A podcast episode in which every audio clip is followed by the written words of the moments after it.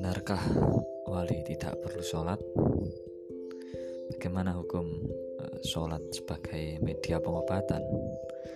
Atau pura-pura sholat duha? Atau sholat di tengah kemacetan? Di dalam podcast ini kami akan membahas pertanyaan-pertanyaan aneh yang ada di dalam masyarakat beserta hukumnya